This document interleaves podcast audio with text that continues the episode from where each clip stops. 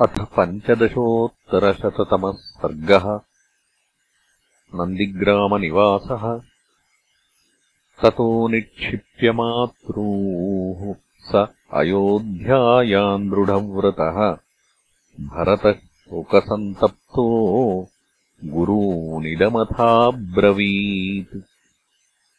नन्दिग्रामम् गमिष्यामि सर्वानामन्त्रयेद्यवः तत्र दुःखमिदम् सर्वम् सहिष्ये राघवम् विना।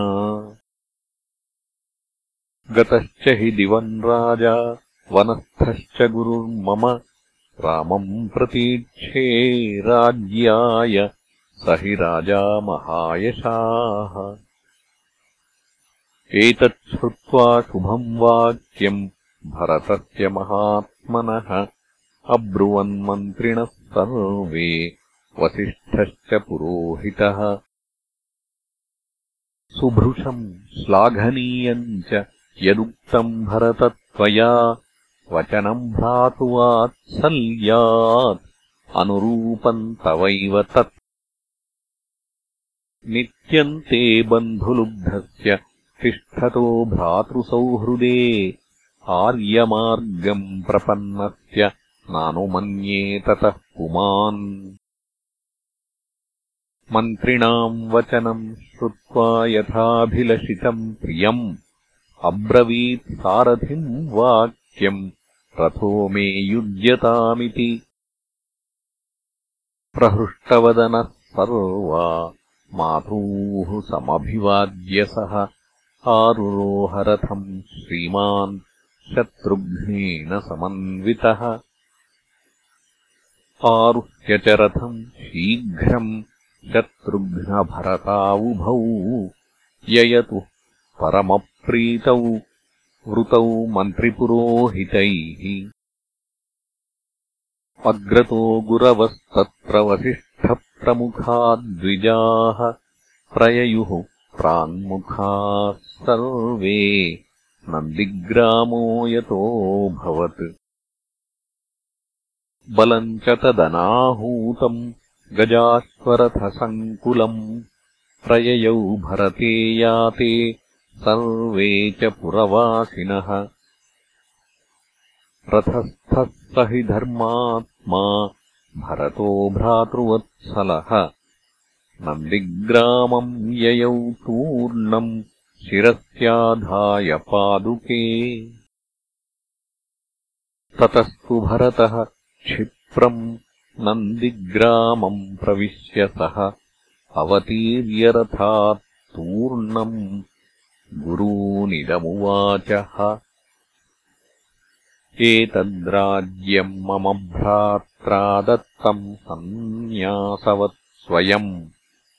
योगक्षेमवहे चे मे पादुके हेमभूषिते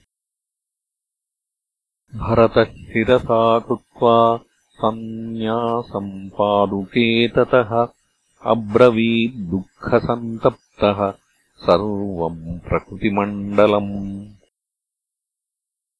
छत्रम् धारयत क्षिप्रम् आद्यपादाविमौ मतौ। आभ्याम् राज्ये स्थितो धर्मः। पादुकाभ्याम् गुरोर्मम भ्रात्रा हि मयि सन्न्यासो निक्षिप्तः सौहृदादयम्। तमिमम् पालयिष्यामि राघवागमनम् प्रति। क्षिप्रम् संयोजयित्वा तु राघवस्य पुनः स्वयम्। चरणौ तौ तु रामस्य द्रक्ष्यामि सह पादुकौ ततो निक्षिप्तभारोऽहम् राघवेण समागतः। निवेद्य गुरवे राज्यम्। भजिष्ये गुरुवृत्तिताम्।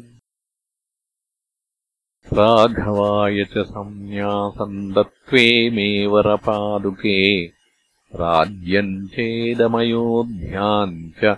धूतपापो भवामि च अभिषिक्ते तु काकुत्थे प्रहृष्टवदनः कष्टमुदिते जने प्रीतिर्मम यशश्चैव भवेद्राज्याच्चतुर्गुणम् एवम् तु विलपन् दीनो भरतः स महायशाः। नन्दिग्रामेकरोद्राज्यम् दुःखितो मन्त्रिभिः सह स वल्कलजटाधारी मुनिवेशधरः प्रभुः नन्दिग्रामेव सद्वीरः ससैन्यो भरतस्तदा। रामागमनमाकाङ्क्षन् भरतो भ्रातृवत्सलः। भ्रातुर्वचनकारी च प्रतिज्ञापारगस्तथा